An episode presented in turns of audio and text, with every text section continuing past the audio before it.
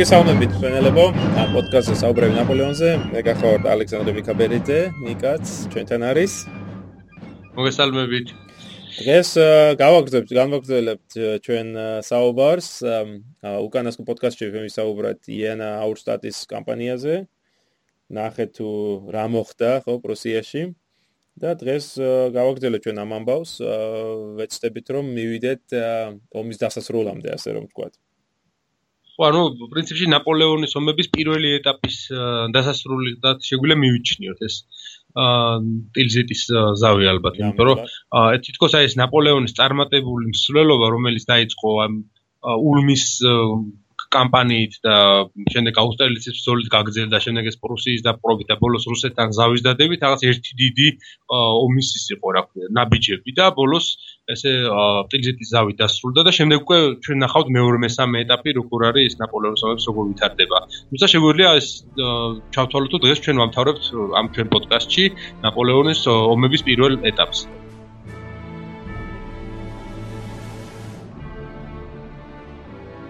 ომის დაწყებიდან ერთი თვეც არ იყო გასული და პრუსია უკვე ნაპოლეონის ფერხთით იყო.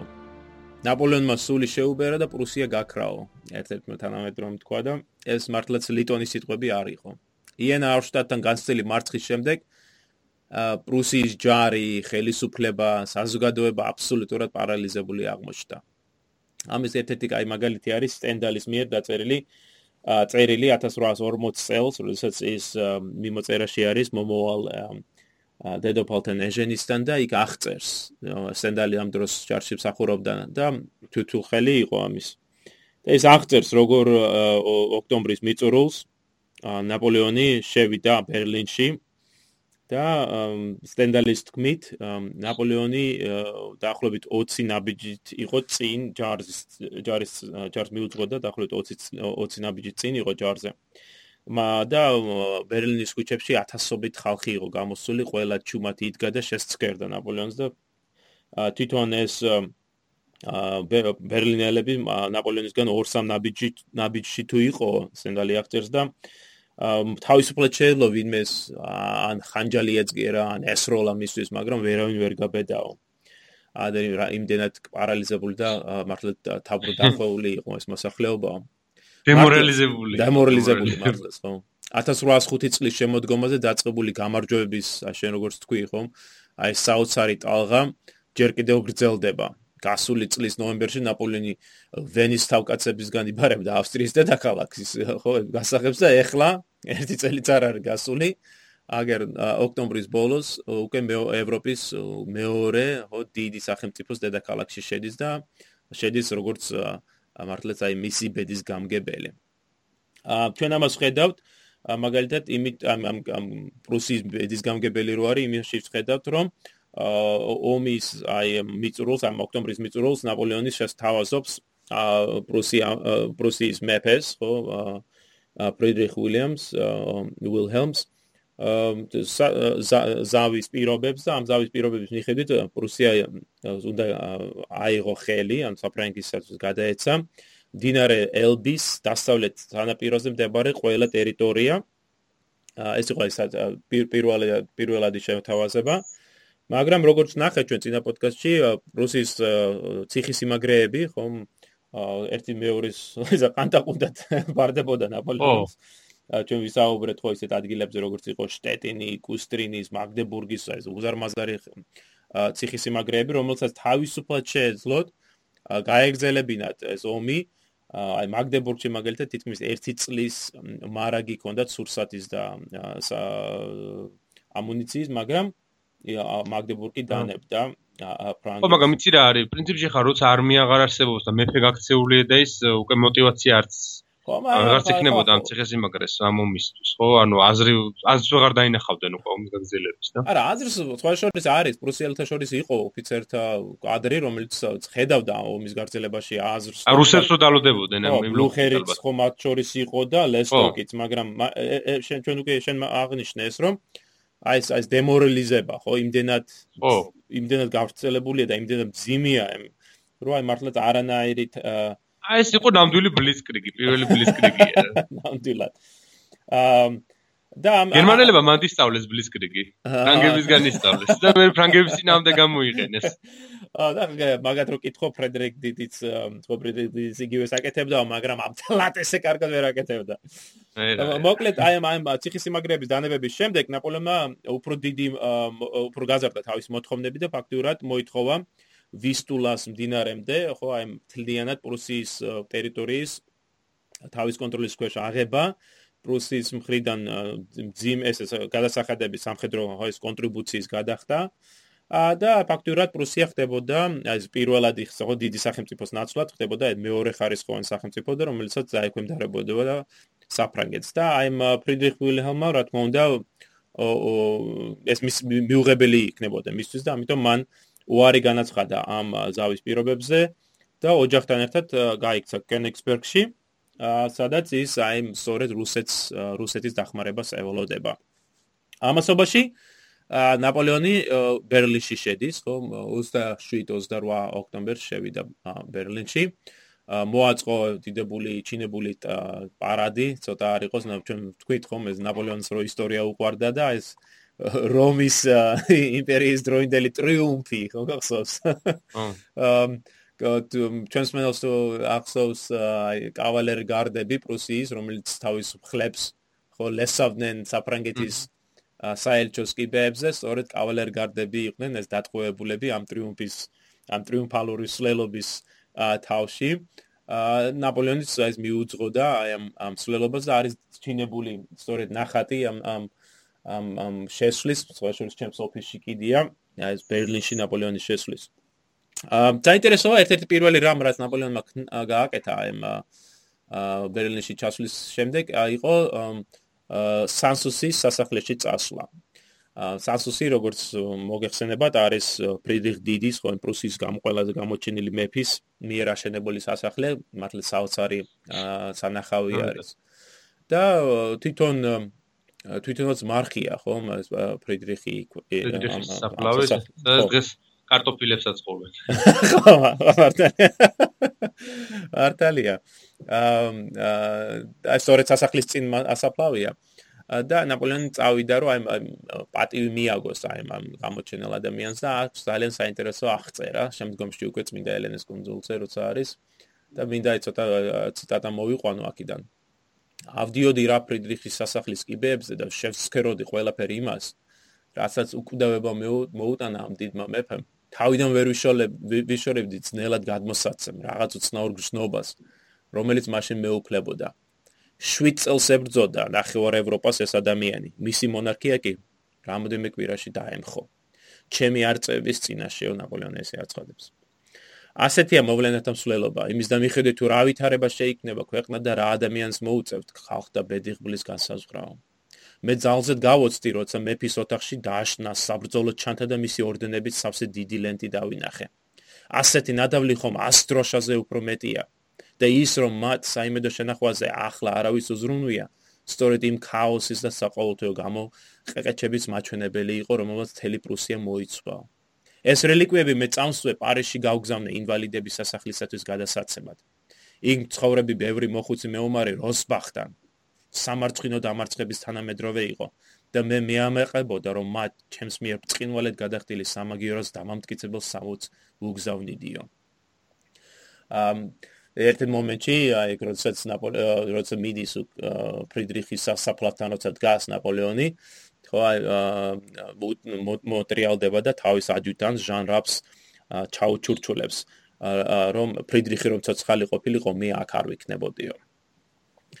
აა ნაპოლეონი გაატარებს ბერლინში დაახლოებით თვენახევარს, დაახლოებით ერთ თვეს და ამ გამალობაში სწორედ ის ცდილობს აი პრუსიის პრუსიაში ფრანგული ხელისუფლების კონსოლიდაციას, ხო აი საფრანგული სამხედრო ხელისუფლების ჩამოყალიბებას, რა თქმა უნდა კონტრიბუციის შეკრებას და რაც თავია ჯარის მოწესრიგებას, რათა გააგრძელოს კამპანია, რადგან რუსეთის ჯარი უკვე ახლოვდება პრუსიის საზღვრებს.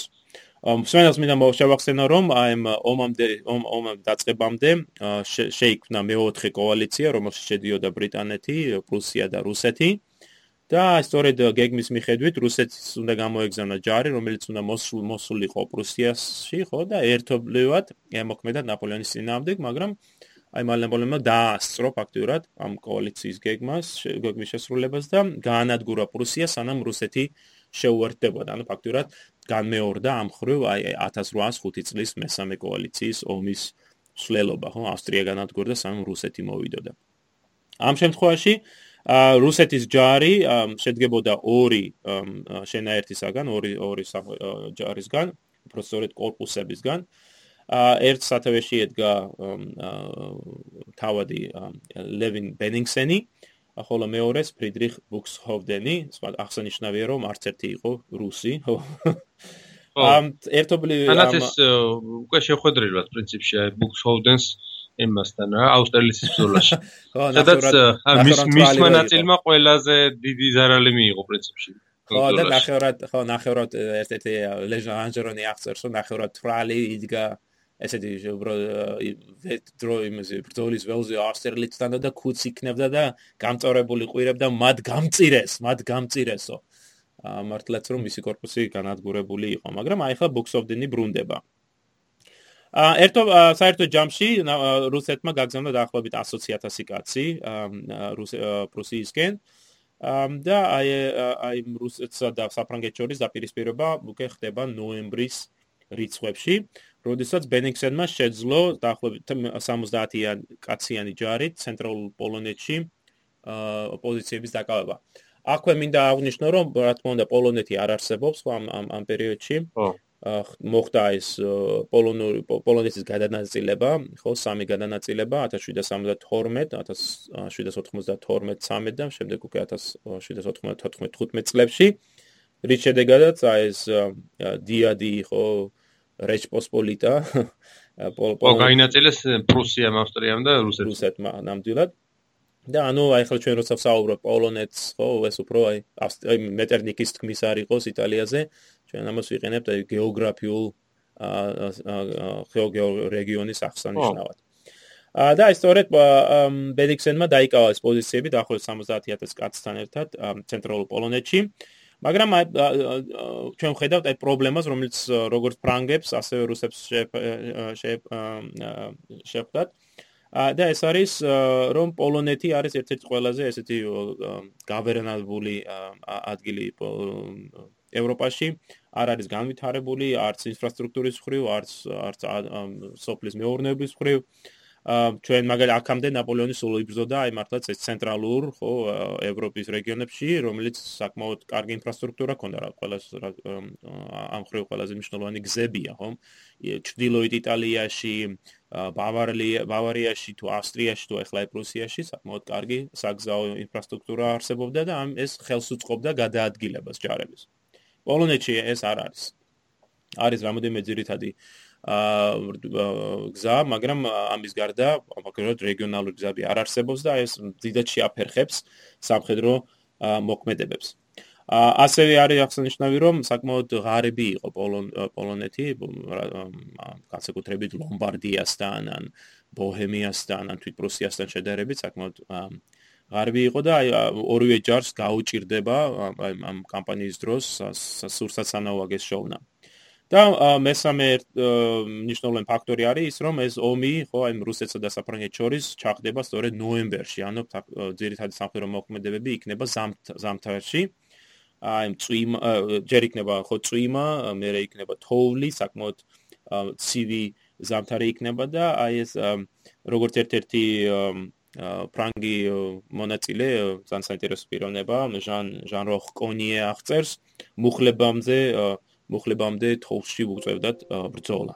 მაგრამ მიუხედავად ამისა ეს ომი გაჩაღდა და ნაპოლეონმა პირველ რიგში გეზი აიღო ოპილ პოლონეთის ხო დედაქალაქზე ვარშავაზე რომელიც მისმა კავალერიამ დაიკავა 28 ნოემბერს ვარშავამ ვარშავის დაკავების შემდეგ ფაქტურად ეს გახდა იმ ნაპოლეონის მოქმედებების ბაზა და აქედან ნაპოლეონმა შეუტია ამ რუსეთის ჯარს პირველ რიგში მიიტანა იერეში ბუქსოვდენის ჯარზე რომელიც თანაც ფრანგებს მოუწია ბრძოლა 26 დეკემბერს დაბა გოლემინთან. და აი გოლემინთან ჩვენ ხედავთ აი ეს ცოტა გადაუწყვეტი არ არის გადამწყვეტი ბრძოლა. მთელი დღის განმავლობაში იბრძოდნენ ფრანგები რუსები. ნაპოლეონი არ არის აქ თვითონ ბრძოლაში არამედ გოლემინთან სწორედ მისი მარშლები იბრძვიან. მაგრამ ვერც ერთმა მხარემ ვერ შეძლო ეს გადამწყვეტი ბრძოლის მოპოვება, გამარჯვების მოპოვება. თუმცა აი ბრძოლის დასასრულს უკვე როდესაც დააღამდა რუსებმა გადაწყვიტეს უკან დახეულიყვნენ და აი ამან მისცა ფრანგებს საშუალება რომ ეს ბრძოლა თავის გამარჯვებად გამოეცხადებინათ, თუმცა რეალობაში რთულია ეს ეს გამარჯვებად მართლაც დავინახოთ. ამავე იმავე დღეს, ანუ 26 დეკემბერს, სანამ ფრანგები ებრძოდნენ ბუქსევდენს დის корпус გოლემინთან, ამავე დროს ხდება მეორე ბრძოლა, უფრო დიდი ბრძოლა, უფრო დიდი შეტაკება პულტუსკთან. პულტუსკთან, ხო. სადაც უკვე მარშალ ჟან ლანის корпуსი შეეგებება გენერალ ბენინგსენის корпуს აქ ჩვენ ხედავთ აი რუსების რიცხობრივი უპირატესობა არის დაახლოებით 40-45000 კაცი ყავს ბენინგსენ ამ პულტუსთან. ლანის корпуსი დაახლოებით 20-23000 არის.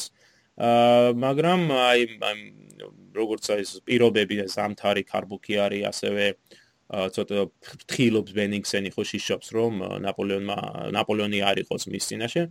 მოკლედ აი ყველაფერმა ერთად კლავ შედეგი იყო ის რომ პულტუსის გამარჯვება საკმაოდ სისხლიანი ისე ბრძოლა საკმაოდ სისხლიანი გამოდგა მაგრამ ორივე მხარემ აა ჩათვალა რომ მან გამოიმარჯვა ამ ბრძოლაში. ერთი ერთი რამ რაც ხელს უწყობს თქვა ფრანგების გამარჯვება იმაში რომ ეს ჩათვალოთ ფრანგების გამარჯვება და არის ის რომ ბენიქსენმა ბრძოლის მერე დატოვა ბრძოლის ველი ხო საღამით და აი ფაქტურად ლანს მისცა საშუალება რომ თავის წერილში ნაპოლეონთან აი თქვა რომ მან გამოიმარჯვა.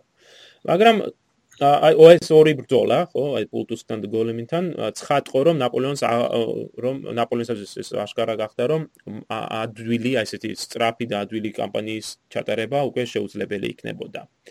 რომ მას ვერ მას ვერ აღარ შეძლებდა. აი პლუსის წინაამდე ჩატარებული ბლიცკრიგის, ხო, შენ როგორც აღნიშნე, გამეორება. პოლონეთში გეოგრაფიულ გეოგრაფიულადაც ხელს უშლიდა ყველანაირი სიტუაცია ამას. ხო არა მარტო იმიტომ რომ თქვა რუსების ჯარი მრავალწლოვანი წო კარგადაც იბრძოდა მაგრამ ხო გეოგრაფ თვითონ გარემოც ისეთი იყო და წელიწადის დროც ისეთი იყო რომ მაგალითად აი პოლონეთში ხო იცით რომ ძალიან ტალახებში გაეხვა ჯარი და ძლივს გადაადგილდებოდა და ამ პირობებში შენელდა ასე თქვა მოქმედებები ნაპოლეონის არმიისა და ცოტა გაიწელა ეს ომი. ნამდვილად. ამასობაში რუსებ რუსულ ჯარში საკმაოდ არეულობას უფევს განსაკუთრებით შტაბ შტაბინაში. ბენინგსენს და ბუქსოვდენ შორის არის დაძაბული ურთიერთობა ერთმანეთს ვერ იტანენ დასანახავად. სხვათა შორის ერთ მომენტში მათი ურთიერთობა იმდენად გამწვავდება რომ ბუქსოვდენი დუელში გამოიწვევს ბენინგსენს აა ბენინგსენი ბენინგსენი ძალიან ის იყო რა სხვებთანაც მოსდიოდა სულ ხო, ცოტა კონფლიქტური პიროვნება იყო. ხო, მოინტრიგანო ტიპი იყო, ხო. მაგრამ ახლა მე მაგის მემუარები ვთარგმნე. საინტერესო სამტომეული აქვს მემუარების. და ორი ტომი ვთარგმნე და უფრო აი ადრე უფრო ფიქრობდი რომ გაზვი ესეთი ტიპი იყო. კი იყო ინტრიგანი, მაგრამ ამავე დროს მეტნაკლებად ესმოდა ეს სამხედრო საქმე განსაკუთრებით 1806-7 წლების კამპანიაში. ო. ნაპოლეონის წინააღმდეგ მართალია კი დამარცხა ფრიდლანდთან, მაგრამ ამ ნუ სხვა მიზეზები არის იქ და აღნიშნავთ კიდევაც, მაგრამ აა პრინციპში იცი რა მე მახსოვს რომ ვენიქსენი თვლიდა რომ პოზიციის შემრჩევი იყო კარგი ბრძოლის და რა. აი ზუსტად ხო აი აი ჩვენ მე ვისაუბრებ ველინგტონზე ხო ველინგტონის მასეთი ტიპი არის აი და დაცვით თავდაცვითი ტაქტიკის ის არის ხო კარგი მცოდნეა ორივე. ნამდვილად. და მოკლედ ბენინგსენ და ბუქს ოფ დენ შორის არის ეს დაპირისპირება. ბუქს ბენინგსენს ეს ყველში ამოვა ეს ყველაფერი. მიწეს უშუალოდ ალექსანდრეს იმპერატორს რუსეთის რომ ესეთი ვითარება არის და მიქნებ რამე იღონო და აა ალექსანდრემ არც ცხელა და არც ორივე გადააყენა ფაქტიურად უпростоრედ დააქვემდება დანიშნა ახალი ხედართავარი, რომელიც ორივე корпуს უხელმძღვანელებდა.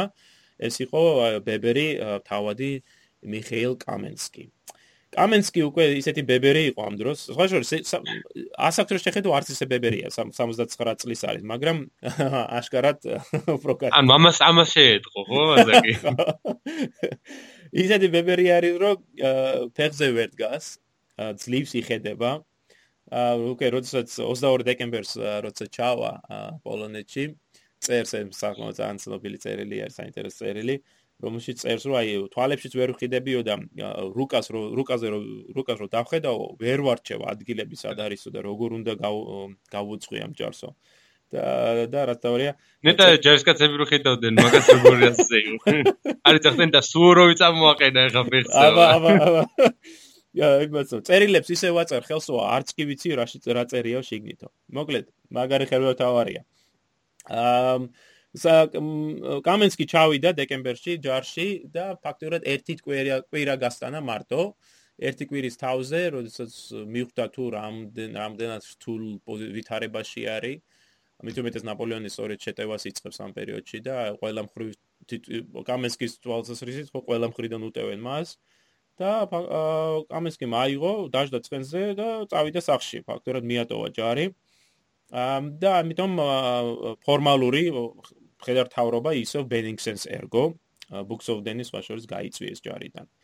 და ამიტომ აი დეკემბერი აი იანვარში უკვე 1807 წლის იანვარში რუსულ ჯარს კლავ ბენინგსენი ხელმძღვანელობს. სწორედ ამ დროს ბენინგსენმა შეამჩნია საინტერესო რამ.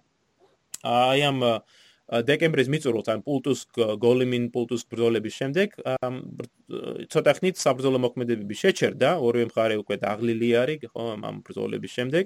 ორივე მხარე სჭირდება სურსათის ანალოგია და ამიტომ რამდენიმე დაახლოებით კვირანახევრის განმავლობაში ბრძოლები არ ხორციელდებოდა არ იფტოდა საომარი მოქმედებები. და ამ დროს ნაპოლეონმა ის გაშალა თავისი ჯარი რომ საკორპუსო სისტემის გამოყენებით რათა თითო корпуს მიუჩინათ რაღაც რეგიონი, რომლის რომელშიც მათ შეძლო სურსათი მოეპოვა და დაახლოებით ესე 50 კილომეტრის ფარგლებში ერთმანეთისგან დაშორებულები იყვნენ. მაგრამ აი როგორც აღნიშნეთ, პოლონეთი იმდენად ღარიბი იყო, რომ აი корпуსებმა ვერ შეძლეს საკმარისი სურსათსანაოგეს შოვნა აქ. ეგ პრობლემა არ არსებობდა არც ავსტრიაში, არც ბოჰემიაში და არც პრუსიაში, მაგრამ აი აქ ჩვენ ხედავთ ამას. აა და ერთ-ერთი корпуსი მარშალ ნეის მეთაურობით იძულებული იქნა ცოტა ჩtildeებით ჩtildeეთით წასულიყო, რათა ეს ეშოვნა ეს საჭმელი. და აი ამ გადაადგილებით ფაქტურად ჩამოშორდა ეს корпуსი დაარჩენ ჯარს და იზოლირებული აღმოჩნდა და ბენინგსენმა შეიტყო ეს თავის დაზვერვის მეშვეობით და მიხვდა რომ მას აქვს საშუალება რომ შეუტიოს და გაანადგუროს ნეის корпуსი. და სწორედ იანვრის დასაწყისში ბენიქსენმა წამოიწყო ეს სამხედრო გეგმა, რათა მოულოდნელი თავდასხმით გაენადგურებინა ნეის კორპუსი.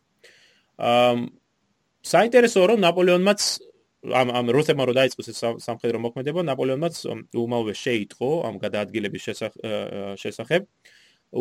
მიუხვდა ბენინგსენს თუ რა რას აპირებდა. აა და მიწერა ნეიქს და უთხრა რომ ნელ-ნელა უკან დახეულიყო რათა ეს რუსები მას გაჰყოლოდნენ და რომ შეიტყუებდა უფრო და უფრო სამხრეთისკენ ამ ამასობაში ნაპოლეონი შეასრულებდა ეს მანევსიულა დერიე ხო ეს საფლანკო მანევრს და განადგურდა შემოულიდა მოკლედ. დიახ შემოულიდა ეს მარჯვენა მხრიდან და განადგურებდა რუსულ ჯარს და აი ეს თელი გეგმა მართლა წინვალი გეგმა არის ეხლა ხანს მაისი განხილვას დავწერე საგანგებო წიგნი გამოვიდა ნაპოლეონის ომების ესე ოპერატიულ დონეზე ისტორია და აი ამ იქ ერთ-ერთი თავი სწორედ ამ ამ კამპანიის განხილვას ეკუთვნის, იმიტომ რომ ძალიან საინტერესო არის.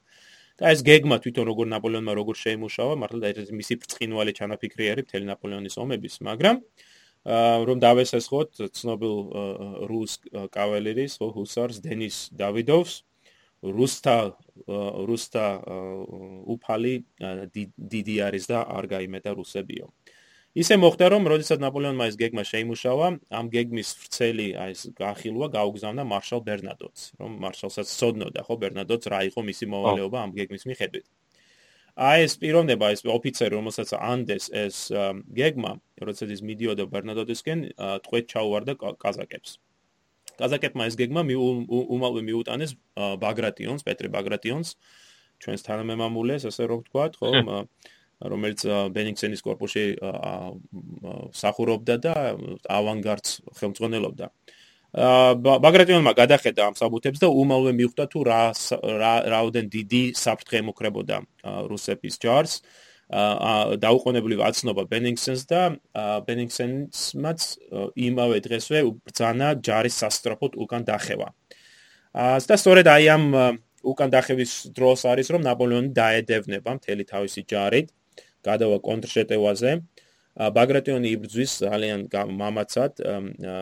სვენელს შეიძლება სვენელმა შეიძლება იცოდეს რომ ფრთელი ნაშრომი მაქვს სწორედ ბაგრატიონზე დაწერილი და აი აი ერთ-ერთი ნაპოგრატიონის სამხედრო ნიჭი მართლაც ვლინდება აი ამ ამ ამ თებერულის იანვრის მიწურულს თებერულის დასაწყისში როდესაც ის აი ნაპოლეონის წინამდე კი იბრძვის რა მართლაც მან შეძლონ ამ ფრანგული ჯარების შეჩერება საკმარისად რომ რუსეთის ძირითადი ძალებმა ხო შეძლეს სამშვიდობოს გასვლა.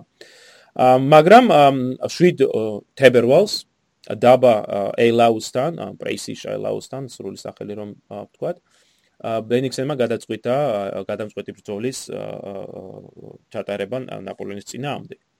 და სწორედ აქ მთელი დღის განმავლობაში უკვე 8 თებერვალს მომდენო დღეს 8 თებერვალს ხდება ეს სახელგანთქმული ბრძოლა. ფრანგებს ამ ბრძოლაში დაახლოებით 65000 მეომარი ჰყავდათ, რუსებს დაახლოებით 76000.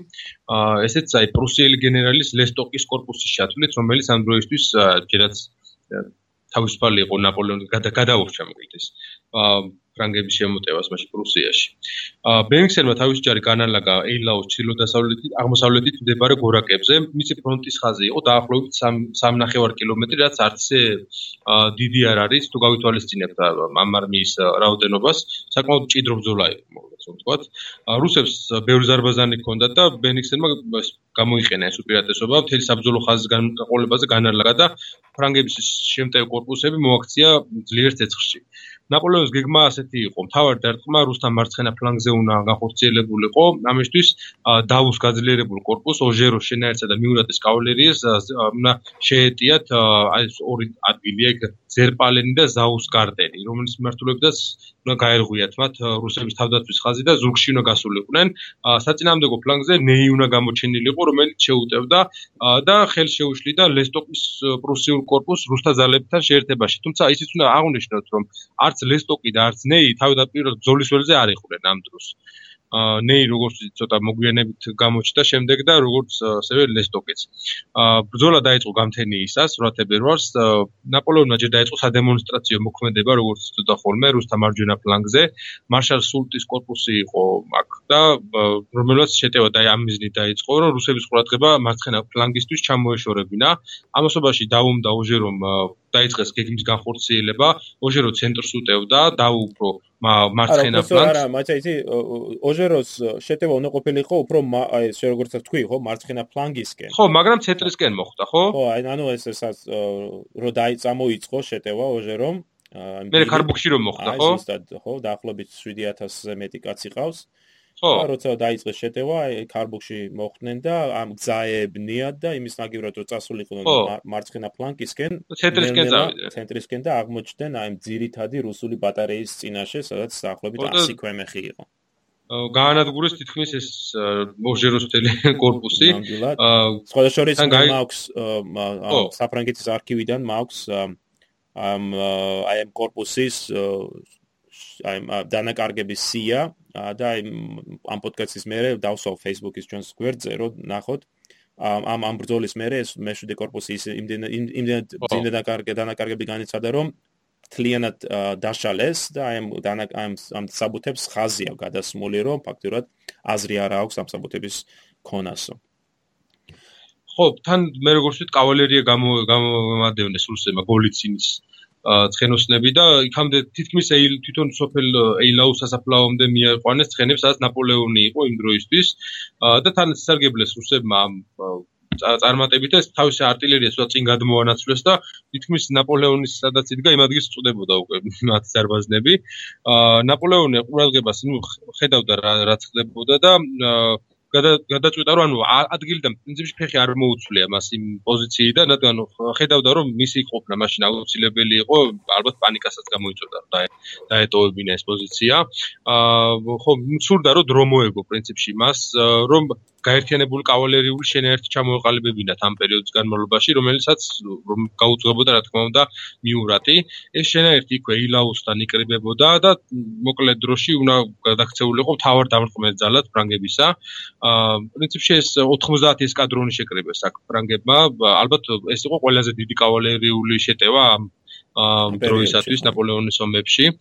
აა ეს მათ შორის იყვნენ ხო ეს კირასირები, კავალერგარდები, სხვადასხვა შენაერთის ცხენოსნები, რომელსაც გაუძღოლოდა რასაკვირველია მიურატი, რომელიც იყო ნაპოლეონის კავალერიის მეტაური ყოველთვის, თუმცა ნაპოლეონის ხელს ყავდა ის და მან ამოიღო ხმალი თავისი ქუდიზე წამოაგო და წინ გაუძღვა კავალერიას და რო დაენახათ ის ყველას გაუძღვა წინ კავალერიას გადათელა რუსების წინ წამოსული შენაერთები და თითქმის სამივე ხაზი გაარღვიეს მათ რუსების და უკან დაბრუნდნენ. შემდეგ ეს კავალერია და ამან ძალიან დიდი ზეგავლენა მოახდინა პრინციპში ბრძოლაზე, იმიტომ რომ რაღაც დროის განმავლობაში პრინციპში ფრანგებმა შეაჩერეს ამ რუსების წინსვლა და ის წარმატებული ის რაც დაიწყო ოჟეროს корпуსის განადგურების შემდეგ და რუსებმა ისე ხო ვეღარ გააგრძელეს. ისეთი შემართებით ბრძოლა, თქმა უნდა, ფრანგები ახერხებდნენ უკვე პოზიციების დაცვას, იმიტომ რომ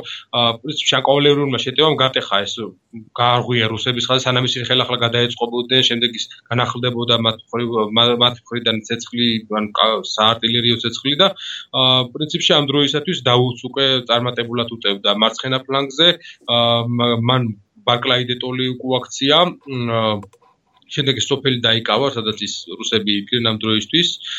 და ნენელა ფრანგები ეუფლებიან ამ ბრძოლაში გარდამტეხ მომენტამდე მიდის ეს ბრძოლა. თუმცა სწორედ ამ დროს არის ხო, აი ნაპოლეონს რო ჭირდება ეს გადამწყვეტი ძალა და ელოდება ნეის, ხო? ნეი უნდა მოვიდეს ხო რუსების უკან მარჯვენა ფლანგიდან და აი ამით ფაქტურად მარცხუხებში მოაქცევდა. ანუ ცენტრი უკავია ნაპოლეონს მარცხე მარც თავის მარჯვენა ფლანგიდან უკვე დავუმ შეავიწროვა რუსების ჯარი იმდენად რომ აი რომ დახედოთ რუსეთის ჯარმა მარტე კუთხე შექმნა იმდენად უკან წასწია დავუმ რუსთა ფლანგი და აი სწორედ ამ დროს უნდა მოსულიყო ნეი და მიეტანა იერეში რუსთა მარჯვენა ფლანგზე და ზურგში მაგრამ ნეის მაგურად მოვიდა ლესტოკი და ამ ლესტოკის საშუალებით რუსებმა შეძლეს ამ თავისი პოზიციების გამაგრება და ბრძოლა მთავრდება იმით რომ არც ერთ ვერც ერთმა მხარემ ვერ მოიპოვა გადამწყვეტი გამარჯვება. აი სწორედ ამ დროს არის და ნეი როდესაც ის ჩამოდის უკვე გვიან მოვა ხო გვიან ღამით ჩამოვა მივა უკვე ნეი და როცა მეორე დილით რო დაინახავენ აი ეს უზარმაზარი დანაკარგები და ახლობებით ფრანგულ ხარეს არის დაახლოებით 29000 კაცი და აჭრელი და მკვდარი რუსების ხარეს დაახლოებით 25000 წარმოგიდგენიათ ახლა ეს ეს ეს მინდორი შენ ნიკაშენ აღნიშნა ხო? არც ესე დიდი ბრძოლის ველი არის მაგრამ 3.5 კილომეტრი იმ დროის ხო ამ რიცხვებისთვის საკმაოდ პატარაა ხო აი ბოროდინოსთან შედარებით ბოროდინოს დაახლოებით 8.5 კილომეტრიანი არის და ლაივ რონა მარაფერი ვთქვა ვატერლოც ვიწრო ვიწრო იყო ესე პრინციპში. აი წარმოგიდგენიათ დაახლოებით 40 55-50000 კაცის დანაკარგი როცა არის ამ ბრძოლის ველზე რა სანახაობა იქნებოდა ეს და აი ნეიმ რომ ცნობილი სიტყვები არის, როცა დაინახა ეს ბრძოლის ველი და თქვა ეს რა რა სასაკლაო და რისთვის, ხო? აა ვერც ერთ მხარემ ვერ მოიპოვა გამარჯვება. აა მაგრამ ნაპოლეონს მა გამოაცხადა ეილაო თავის გამარჯვებად, იმიტომ რომ რომ კლავ რუსებმა ღამით გადაწყვიტეს მიეტოვებინა ბრძოლის ველი და დახეულიყვნენ უკან. აა თავის წერილში რუსეთის იმპერატორთან მიწერილ წერილში ბენინგსედმანს გამოაცხადა ელაუ თავის გამარჯვებად მაგრამ აი ფაქტურად ნუ სხვა შორის წერილში აღწერს რომ აი ამდენი და ამდენი დროშები ჩავიგდეთ ხელს ამდენი ტყვეები და მე ალექსანდრე მოიკითხა კიდევაც სად არის დროშებიო და ბენინგსენმას უპასუხა, "ოი, დროშები დავკარგეთო." აა ასე რომ ეს ტროფეები რომელიც ნაპოლეონს ალექსანდრეს უნდოდა რომ გამოეჩინა მართლაც რომ აი გამარჯვება მოიპოვეთ ბენინგსენმა არ არ არ წუჩენებია ბენინგსენს. აა ელაუს მერე ხდება ეს შესვენება რა მართლაც კლავ ეს ორივე ჯარი იმდენად დაღლილი არის ამ ბრძოლის მერე რომ თებერვლის შუა რიცხვებიდან მაისის მიწურულამდე სამხედრო მოქმედებები არ ხდება მთელი გაზაფხული ორივე მხარე ისვენებს ძალებს იკრებს ახალ შენაერთები ჩამოდის ორივე მხარეს რუსებს რუსეთის მხარეს სხვა შორის თვით გვარდიაც აა იქნა გაგზავნილი ამ ბენიქსენის ბენიქსენთან. ნაპოლეონმაც მოიზიდა დამხმარე ძალები გერმანიის სხვა სხვა სახელმწიფოდან და ივნისის დასაწყისში უკვე ომი განახდება კვლავ. და ეს განახდება ისევ და ისევ აი ამ საინტერესო ოპერაციით. ნეი კლავ არის აი ცოტა იზოლირებული დინარის პასარგა დინარე არის და იმ პასარგა დინარის ერთ მხარეს არის ნეი, ძირითადი ძალები მეორე მხარეს არის. ნაპოლეონის და ბენინგსის კლავ სურს ამ ნეის корпуსის იზოლირება და განადგურება. ეს ამოიწებს ამ შეტევას ცოტა ესეთი ჩანაფიქრი, ძალიან საინტერესო ჩანაფიქრი არის. 6 კოლონით უტევს ბენინგსენი, მაგრამ აი რეალობაში ამ ჩანაფიქრის შესრულება ვერ მოხერხდა. და ჩვენ ხედავ აქ მაგალითად აი რუსული ოფიცრების მოუმზადებლობაც, ან თქვათ არ არიან ხო ისეთი ნიჭიერი ან ან მონდომებულები როგორც არის აი ფრანგულ ჯარში ახლა ბევრი მათგანი ხო დაინიშნა თქვა ნათესაობის ან ან სხვა კავშირების შედეგად.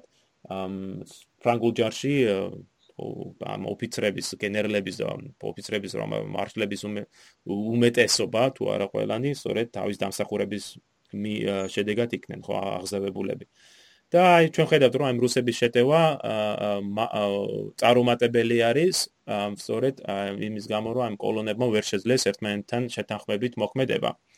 ნაპოლეონმა დაინახა ეს შეტევა და წამოიწყო კონტრშეტევა 6 7 6 ივნის რის შედეგადაც მან უკუაგდო რუსული ჯარი პასარგას დინარიდან დაედევნა მათ და 10 ივნის იერიში მიიტანა დაბა ჰელსბერგთან რუსულ პოზიციებზე. აი ჩვენ შენ აღნიშნავდი ხო ნიკა რომ ბენიქსენს აქვს ნიჭი ამ ნიშნა ეს ძლიერი თავდაცვითი პოზიციების შერჩევისა.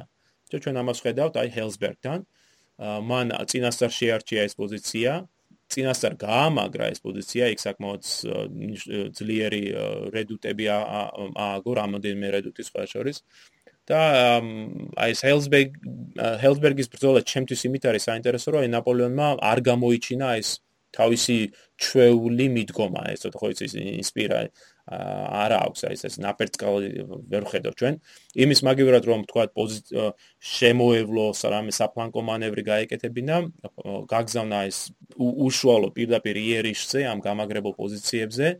რის შედეგადაც ძალიან დიდი დანაკარგები განიცადა ლანის корпуსმა. აა თლიანობაში დაახლოებით 12000 კაცი დაიჭრა და დაიღუპა ამ ბრძოლაში ფრანგების მხრივ. ამ ხარიდან ხოლო რუსების მხარეს დაახლოებით 5000 5500 დანაკარგი არის. მაგრამ ჰაილსბერგთან კლავ აი აი ბენინგსენს ბენინგსენს never მოუმთხუნეს მე ახლა მისი მემუარებიდან მისი წერილებიდან წაკითხვის შემდეგ ცოტა რთულია რომ დაადანაშაულო ის იმიტომ რომ ბენინგსენ ძალიან ესეთი ძიმეთ ავათ არის.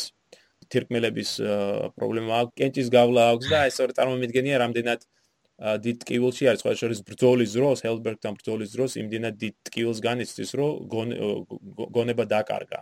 ერთ დაახლოებით 1 საათის განმავლობაში ფაქტობრივად რუსულ ჯარს ხედართავარი არ აყავს იმიტომ რომ სანამ მოასულიერეს და სანამ გონზე მოვიდა და ამიტომ აი ბრძოლის ბოლოს, როდესაც აი კლავ არ არის ვერ გაიგებ ხო ვინ მოიგო კონკრეტულად. აა რუსები ამ რუსეთის მხრიდან შეგვიძლია დავინახოთ რომ მათი გაცხადება რომ ეს მათი გამარჯვება არის იმით შეგვიძლია ახსნათ იმით რომ მათ მოიგერიეს ფრანგების შეტევები. მაგრამ ფრანგებიც მართლები არიან რომ ეს მათი გამარჯვება არის იმით რომ ბრძოლის შემდეგ ბენინგსენმა ბრძანება გასცა მიეტოვებინა ბრძოლის ველი და კლავ უკან დახეულიყვნენ. ამ ბრძოლის შემდეგ ამ ჰელსბეგიდან რუსული ჯარი აყვა დინარე ალეს, ალე ეს გერმანული სახელი არის, დღეს ლინას უწოდებენ მას და ეს აყვა დინარე ალეს ჭtildeოეთით და რომ მიუძღოდა ამ ამ ალეს რო გააყვეს, რო გააყვეთ რუსეთის საზღვრებისაკენ, არის პატარა დაბა, პატარა ქალაქი ფრიდლანდი, როგორც მას ეწოდებოდა მაშინ. და აი ამ ამ ფრიდლანდთან დღეს ეს ფრიდლანდი უკვე კალინინგრადის რეგიონში არის რუსების რუსეთის ფედერაციის აა სწორედ მეორე მსოფლიო ომის დროს ჩაიგდეს რუსებმა ხელს და ამ ფრიდლანდს დღეს სახელი ეწოდება პრავდინსკი და აი ამ ფრიდლანდთან ჩვენ კლავ ხედავთ აი ბენინგსედის მხრიდან ერთ-ერთ შეცდომას. მისი ჯანმრთელობა კვლავ უარესდება, აქ საკმაოდ საკმაოდ ტკივილს განიცდის და აი ამ რამდენიმე დღიანი ხო ეს თითქმის რამდენიმე კვირა არის უკვე განუწყვეტლივ ცდილობს რომ თავი დააღწიოს ფრანგებისგან. და ისე დაღლილი არის რომ მან გადაწყვიტა რომ ამ ფრიდლანდში შეესვენებინა და თვითონ ქალაქი არის ამ დინარე ალეს დასავლეთ სანაპიროზე, ხოლო რუსები იყვნენ აღმოსავლეთ სანაპიროზე. მაგრამ ისვის რომ შეესვენებინა ამ ქალაქში ბენიქსენი გადავიდა ქალაქში და თვითონ თვით ქალაქში გაჩერდა. ანუ იმის ნაცვლად რომ თქვა დაეკავებინა თავდაცვითი პოზიციები და გაენადგურებინა ხიდი და თქვა აღმოსავლეთ სანაპიროზე არჩენილიყო, მან გადაწყვიტო ქალაქში შესულიყო თვითონ და ბუნებრივია რომ ჯარიც გაყვა მას და ქალაქის შიგნით და ქალაქის ირგვლივ დაიკავეს პოზიციები. შემდეგ უკვე ეს ხდება 13 ივნისს. 14 ივნისს დილით ბენინგსეს აცნობეს, რომ ფრანგების корпуსი არის ახლო ქალაქთან ახლოს. რუსების დაზვერვამ უკვე დაადგინა, რომ ეს იყო მარშალ ლანის корпуსი და ამ корпуსში იყო მომავალში მარშალის ამჯერად ამ დროს გენერალ უდინოს დივიზია და სწორედ ამ დივიზიამ დივიზია მიუახლოვდა აა ქალაქს და აი ბენინგსენმა მოითხოვა დამატებითი ინფორმაცია, არის თუ არა კიდე სხვა ჯარის საჯარის შენაერთები მოწინააღმდეგის ქალაქთან ახლოს და დაზურვა მაცნობა რომ არა, ანუ ფაქტიურად ერთადერთი корпуსი იყო ლანის. და იმის გათვალისწინებით რომ ლანის корпуსი ჰეილსბერგთან იბრძოდა და უკვე დანაკარგებ ჰქონდა განცდილი და საკმაოდ შესუსტებული იყო, აი ბენინგსენს მიეცა ეს იმედი რომ შეძლებდა თქვა შეეტია ლანისათვის გაენადგურებინა ის. მე გადასულიყო დინარის მეორე მხარეს და გაეგზელებინა გზა და ამით თავის პოზიციებსაც გაიმყარებდა როგორც ხედარ თავარს ხო? ბენინგსს შეიძლებოდა მიეწერა ეს მე გაეგზავნა წერილი და ეთქვა აი გავიმარჯვე. და ბუნებრივია რუსებსაც მიეცემოდა და ეს სტიმული ხო თქვა რაღაცა პროპაგანდისტვის აი მნიშვნელოვანი მომენტი. მაგრამ აი ეს ეს მნიშვნელოვანი შეცდომაა პენიქსენის მხრიდან, ვინაიდან აი აშკარად ჩანს, რომ მას არ აქვს გააზრებული ნაპოლეონის მიერ აი საკორპუსო სისტემა.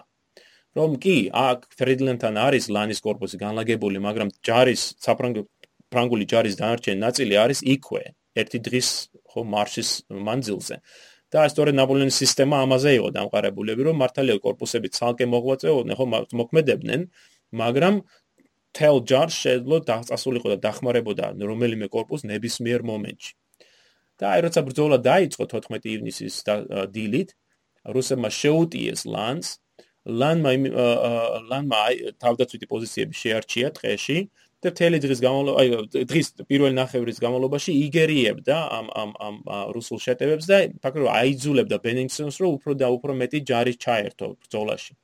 ამასობაში ლანმა უკვე გაგზავნა წერილი ნაპოლეონთან აცნობა ბრძოლის დასაწყისზე და ნაპოლეონმა მთელი თავისი ჯარი გაგზავნა სწორედ ფრიდლანდთან და დღის მეორე ნახევარში აი ნაპოლეონი ჩდება კიდევაც ბრძოლის ველზე. და ნაპოლეონის მოსვლამ გადამწყვეტი როლი შეასრულა მან საფლანკო მანევრებით გაარღვია ხო რუსული პოზიციები აქ აქ ბენიქსენსთვის აი კიდევ ერთ შეცდომას ხედავთ რუსების მხრიდან მათ მხოლოდ ორი ხიდი ჰქონდათ რომელიც ერთ-ერთი მათგანი ჩაინგრევა ანუ ერთი ხიდი ჰქონდათ მხოლოდ ზურგში ანუ მთელი ეს ჯარი ხო ათასობით ადამიანი დაახლოებით ბენიცეს დაახლოებით 60000 კაცი ყავს. ანუ აი 60000 კაცი უნდა გადასულიყვნენ სამშვიდობოს, ხო, აღმოსავლეთ სანაპიროზე, აი ამ ერთი ხიდის საშუალებით. თქვენ წარმოგიდგენიათ ალბათ ეს რა ხდებოდა თვითონ ქალაქში, რა არეულობა. ნაპოლეონის ბრძანებით ფრანგულმა артиლერიამ ცეცხლი გაუშინ დაუშინა თვით ქალაქს, ანუ ქალაქში ცეცხლებიც გააჩინა და აი ამ არეულობაში რუსულმა ჯარმა ძლივს გააღწია გარკვეულწილად ამ რუსული ჯარის გადარჩენა ბაგრატიონის შედეგი არის, იმიტომ რომ რუსეთის ჯარის მარცხენა ფლანგს სწორედ ის იცავს და აი სწორედ ბაგრატიონი გააფთრებით იგერიებს ფრანკთა ძირითად შეტევებს. ბრძოლის ბრძოლა დამარცხება არის რუსების ამაში აი ეილაუსგან ჰელსბერგთან განსხვავებით აქ ჩვენ ხედავთ ეს გადამწყვეტი ბრძოლაში სწორედ ნაპოლეონმა მოიგო. ა რუსებმა დაკარგეს დაახლოებით 20000 კაცი დაჭრილი დაუბული და და ტყვეთ ჩავარდნილი 80 ქვემეხი.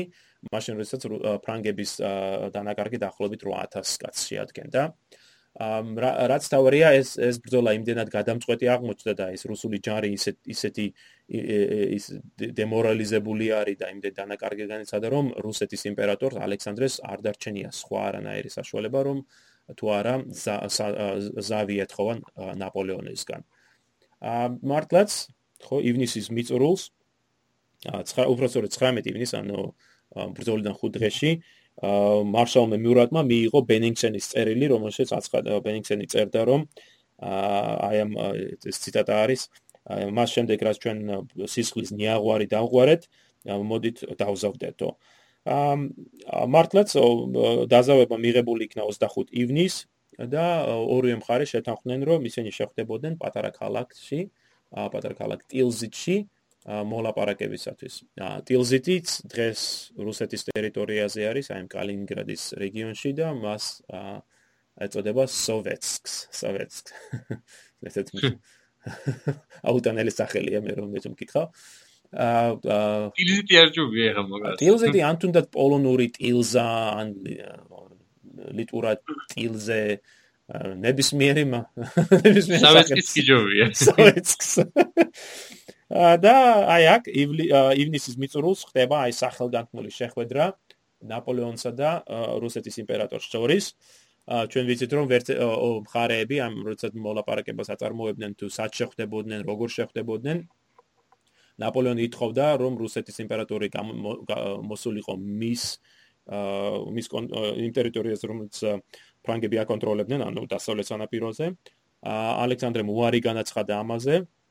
ბუნებრივია ნაპოლეონი არ წავიდოდა ხო რუსეთის ტერიტორიაზე და ამიტომ შეთანხმდნენ რომ ააშენებდნენ სპეციალურ ტივს ხო მდინარის შუაში და ასე ასე რო თქვა და ნეიტრალურ ხო ტერიტორიაზე შეხვდებოდნენ ამ მდინარის შუაში და მართლაც ივნისის ბოლოს აშენდა კიდევაც ეს ეს ტივი და დანიშნულ დღეს 25 ივნის დანიშნულ საათზე ორივე მხარე გამოცხადდა ერთდროულად და თაჟნენ თასმდა ნაპოლეონის ტივში ალექსანდრეც და ორივე მხარემ დაიწყო ამ ტივისკენ გამგზავრება.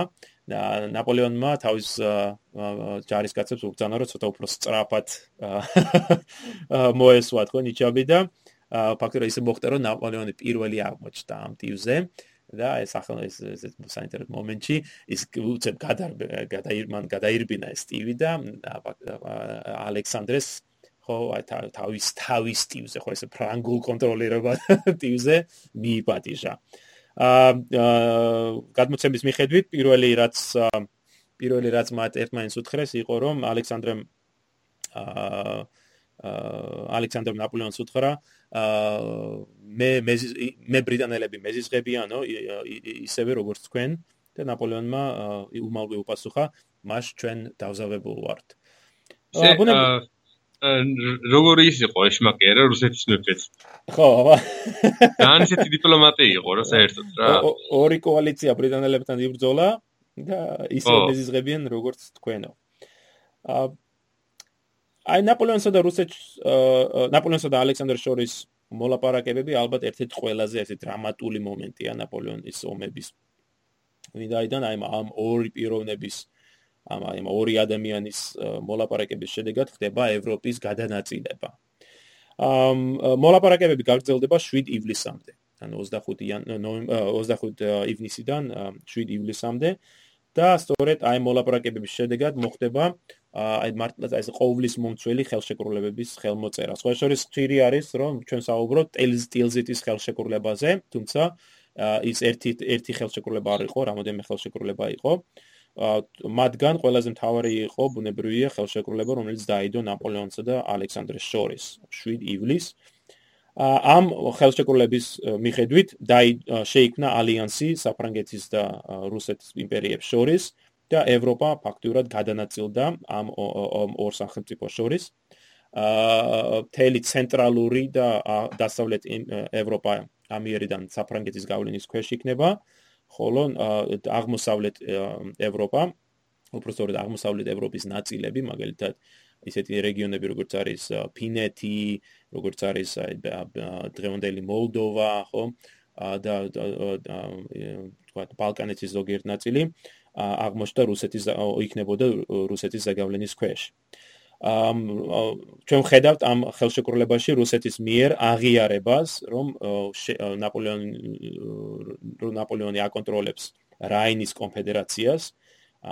ეს ძალიან დიდი აღიარება არის, სხვა შორის, ვინაიდან ისტორიულად რუსეთის იმპერიას ჰქონდა ჭიდრო კავშირები გერმანულ სახელმწიფოებთან, ოჯახი ხო, ოჯახებითაც იყვნენ დაკავშირებული ზოგიერთ გერმანულ დინასტიასთან, მაგრამ აი აქ ამ ტილზითან ფაქტურად რუსეთის ზეგავლენა არის განდევნილი გერმანიიდან და ნაპოლეონი ერთპიროვნულად მართავს ხო განაგებს ამ ამ რეგიონს.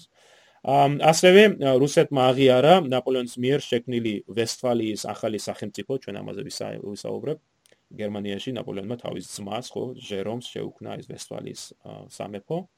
ასევე რუსეთმა აღიარა ნაპოლეონის ხელისუფლება იტალიაში, არა მარტო ჩრდილო იტალიაში, არამედ ნაპოლეონის მიერ ნეაპოლის ნეაპოლის სამეფოს დაკავებაც.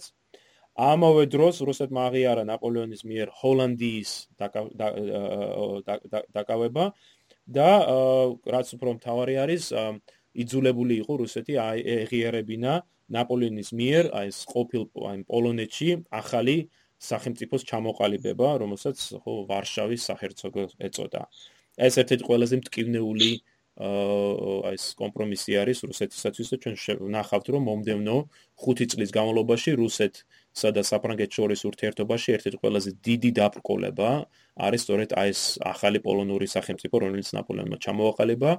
რუსეთს ძალიან დიდი შიში აქვს იმისა, რომ ნაპოლეონი მართლაც აღადგენდა პოლონურ სამეფოს და აი და ჩამოართვევდა რუსეთს აი მილიონობით ხო მოსახლეს და 1000 ათობით 1000 კილომეტრს ტერიტორიისა, რომელიც მან მიისაკუთრა მეორე და მესამე პოლონური გადანაწილების დროს.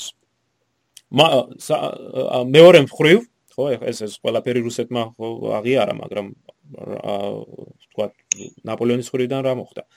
აა ნაპოლეონის მხრიდან ნაპოლეონმა აღია ესა ნებადართო, ასე თქვა, დათანხმდა რუსეთის მიერ ფინეთის ოკუპაციაზე, რაც მოხდება კიდევაც 1808 წელს.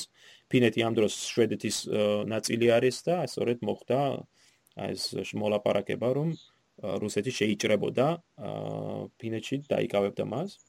რაც ყველაზე მთავარი არის ნაპოლეონი დათანხმდა ან ხელი გაუხსნა ასე ვთქვათ რუსეთს რომ ბალკანეთში დაიწყო მოქმედება ოსმალეთის იმპერიის წინააღმდეგ. ჩვენ ამას ხედავთ 1807 წლის მიწურულს და მით უმეტეს 1808 წელს როდესაც რუსები აქტიურად ცდილობენ ისეთი რეგიონების როგორც არის ვალახეთი ხო ბულგარეთი დაკავება. და ამასთან დაკავშირებული არის ასევე კავკასიაში ხო რუსეთის ინტერესების ცნობა ნაპოლეონის მხრიდან ამ ტილზიტის ხელშეკრულებით ნაპოლეონმა აღიარა რუსეთის კონტროლი საქართველოსზე ხო საქართველოს მოპოვება და ფაქტობრივად ხელი გაუხსნა მას კავკასიაში თავის ინტერესების გამტკიცებისათვის. უკლედ რუსეთმაც კარგ გამოიყენა ეს ტილზიტის აბსოლუტურად ზავი. მიუხედავად იმისა რომ ასეთი სასტიკი მარცხი განიცადა რა აბა ნუ ნუ იტყვი ამდენ ამდენ დამარცხების შემდეგ მაინც გამოდიხარ ნაპოლეონის სტოლად ხო ერთ-ერთ მომენტში ამ სხვა შორის მოლაპარაკებებში ერთ-ერთ მომენტში საუბარი იმაზე რომ შეიცვალონ თავისი ტიტულები და თქვა საფრანგეთის იმპერატორის და ფრანკთა იმპერატორის და რუსეთის იმპერატორის ნაცვლად აიღონ აღმოსავლეთის იმპერატორი და დასავლეთის იმპერატორი. უკეთ რომის იმპერია. აა მართლაც ახლა რუსეთი თუ ხარ რუსეთის იმპერატორი და ამდენი მარცხის შემდეგ ნაპოლეონი მაინც თანაბრად გთვლის, ხო, ეს ძიდი მიღწევა არის. აა კიდევ რამოდენმე გარემოება უნდა აღნიშნოთ აქ. ნაპოლეონ ნაპოლეონისათვის სასარგებლო იყო ის, რომ რუსეთ რუსეთი დათანხმდა გამოეცხადებინა ომი ბრიტანეთის წინააღმდეგ, თუ ბრიტანეთი უარყოფდა რუსულ მედიაციას საფრანგეთსა და ბრიტანელ ურთიერთობებში. და რაც ასევე მნიშვნელოვანი ის რომ რუსეთი შეუერთდა ნაპოლეონის მიერ ამ შექმნილ ახალ სისტემას, რომელსაც ჩვენ კონტინენტალურ სისტემას უძახით, ჩვენ ამას გამიხილავ შემდეგ პოდკასტში. ეს ერთ-ერთი ესეთი მნიშვნელოვანი ჩანაფიქრია, რაც ნაპოლეონს აქვს და რომელიც არა მარტო ბრიტანეთის წინამდებ ბრძოლას ემსახურებოდა, არამედ თვითონ ევროპაში სერიოზული გარდაქმნასაც. და აი რუსეთი ამიერიდან სწორედ ამ კონტინენტალური ბლოკადის, ან ეს კონტინენტალური სისტემის უბრალოდ რო ვთქვა, მონაწილეა. ამ ეს არის 7 ივლისის ხელშეკრულება. ამის შემდეგ ხდება კიდევ სხვა ხელშეკრულების მოხელმოწერა, მაგრამ ამათგან მხოლოდ ერთი არის ჩვენთვის საინტერესო, ეს არის 9 ივლის საფრანგეთსა და პრუსიას შორის ზავის დადება. საწოდავი ფრიდრიხ ვილჰელმი სხვა შორის წარმოიდგინე რამდენად დამამცირებული იქნებოდა ფრიდრიხ ვილჰელმი. მისი სამეფოს ბედი წდება ხო მამ ნაპოლეონსა და ალექსანდრეს მიერ და ფრიდრიხ ვილჰელმი არც კი არის მიწვეული ამ მოლაპარაკებებზე ის დგას იქ აყუზული ასე რომ ვთქვა გარეთ და ელოდება როდესაც მის ბედის მას ბედს აცნობენ. ამ და 9 ივლის ეს ეს ეს ბედი გადაწყდა კიდევაც აშკარა გახდა რომ რუსეთმა მიატოვა პრუსია. ვინაიდან აი 9 ივლის საფრანგეთსა და პრუსიას შორის დადებული ხელშეკრულებით პრუსიამ დაკარგა ყველა თავი თლიანად მთელი თავის ტერიტორია დინარე ელბის დასავლეთით და ხოლო დარჩენილ ტერიტორიებზე უნდა უნდა ნება დაერთო ფრანგების მიერ ყველა მნიშვნელოვანი ციხესიმაგრის დაკავებისათვის.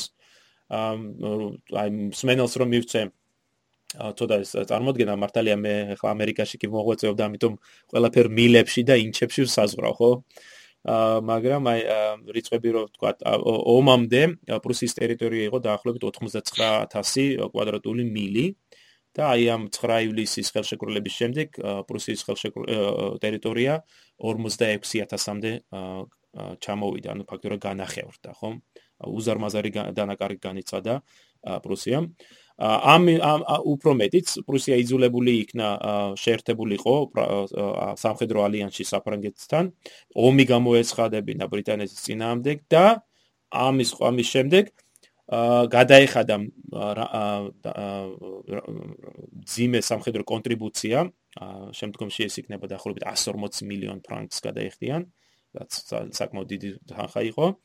და ნაპოლეონმა დააწესა აი კაცრი შეზღუდვები პრუსიის სამხედრო ძალებზე. მათ პრუსიას არ შეეძლო 42000-ზე მეტი კაცი ყოლოდა ჯარში. და ვერც ასე ლანდვერი შემდგომში უკვე ლანდვერად წოდებული ხო ჯარების საჯარისო შანაერთების ჩამოყალიბებაც არ შეეძლო. აი ეს არის სწორედ ტილზიტის შედეგები. ჩვენ შეგვიძლია ახსენე ნიკად ამ ამ პოდკასტის დასაწყისში რომ ტილზიტი არის აი დამაგვირგვინებელი ხო მომენტი ნაპოლეონის კამპანიების პირველ სტადიაზე. სწორედ ტილზიტის შედეგად ხდება ევროპაში ამ ძალთა ბალანსის შეცვლა. ამ აი ორ კამპანიის შედეგად, მესამე და მეოთხე კოალიციის კამპანიის შედეგად ნაპოლეონმა ჩამოაყალიბა საფრანგეთის იმპერია, რომელიც გაცვდებოდა პირენეების თებიდან, აი პოლონეთის ხო ველებამდე, დანიიდან, ხო, დანიიდან ნეაპოლამდე. ეს არის პირველად, მართლაც, აი კარლოს დიდის იმპერიის დაცემის შემდეგ პირველად აი ესეთი უზარმაზარი იმპერიის ჩამოყალიბება, რომელიც ერთპიროვნულად იმართება. მართალია საფრთხო რომის იმპერიაც არსებობდა, ხო, მაგრამ ჩვენ ვიცით, რამდენად დაწინა პოლიტიკურად დანაწევრიანებული იყო. აა სწორედ აი ამ უზარმაზარ ტერიტორიაზე იქნება ეს საფრანგე საფრანგეთის იმპერიული ინტერესები და სწორედ ამ ტერიტორიაზე ნაპოლეონი ამერიდან შეეცდება საფრანგული ხელისუფლების, ფრანგული კანონების და ეს გარკვეულწილად აი ფრანგული რევოლუციური სულისკვეთების დანერგვას. და აი მე ვხედავ სწორედ აი ამაში ნაპოლეონის მნიშვნელობას. რომ მომდევნო 4 ნახევარი დაახლოებით 5 წლის განმავლობაში ის შეეცდება აი ამ ევროპის რეორგანიზაციას. მართალია შეგვიძლია ბევრი უარყოფითი რამ ნახოთ აქ, ხომ, როგორ გააკათა ნაპოლეონმა ეს. მაგრამ ამავე დროს ნაპოლეონის მიერ ევროპაში ჩატარებული რეფორმების ძალიან ბევრი დიდი ნაწილი არის საკმაოდ პროგრესული. ყოველ შემთხვევაში აი თან იმ იმ დროინდელი პირობების გათვალისწინებით. მოდი აქ შევჩერდეთ. და და შემდეგზე უკვე ალბათ ესპანეთის კამპანიას განვიხილავთ, არა? ხო მართალია ამის მერე ესპანეთში წასულა ცოტა რთულია. ხო პრინციპში მართლაც მაგრამ პრინციპში ისე მისი პოლონეთის ამბების არ განგვიხილავს დეტალებში რა. ამ მოდი არა წავიდეთ ესპანეთში მაგრამ შემდგომში პოლონეთსაც განვიხილავთ მაგრამ პოლონეთის ვახსენოთ ხო რო განვითარდა მოვლენები თან რაღაც რაღაც პრინციპში ნაპოლეონის ხორების რაღაც დეტალებსაც უნდა დაუთმოთ იქ. მართალია თუნდაც ხო პოლონელებთან ურთიერთობა პოლონელებთან ურთიერთობა განსაკუთრებით საინტერესოა. ხო. ხო, მე აი შემდეგ პოდკასტზე მის პირად ცხოვრებასაც დაუთმოთ ადგილი ჩვენ მხოლოდ ერთი პოდკასტი დაუთმეთ ჟოზეფინას და ნაპოლეონის ურთიერთობაზე, მე მგონი უკვე დროა აა ვისაუბროთ თუ რა ხდება მათ შორის, ამ ამ ამ ცოლკმარ შორის და ამ ხრივ მნიშვნელოვანი არის სწორედ აი პოლონეთში ხო ნაპოლეონის მიერ გაბმული რომანებიც. აბა შეხვედრამდე. მოშეხვედრამდე.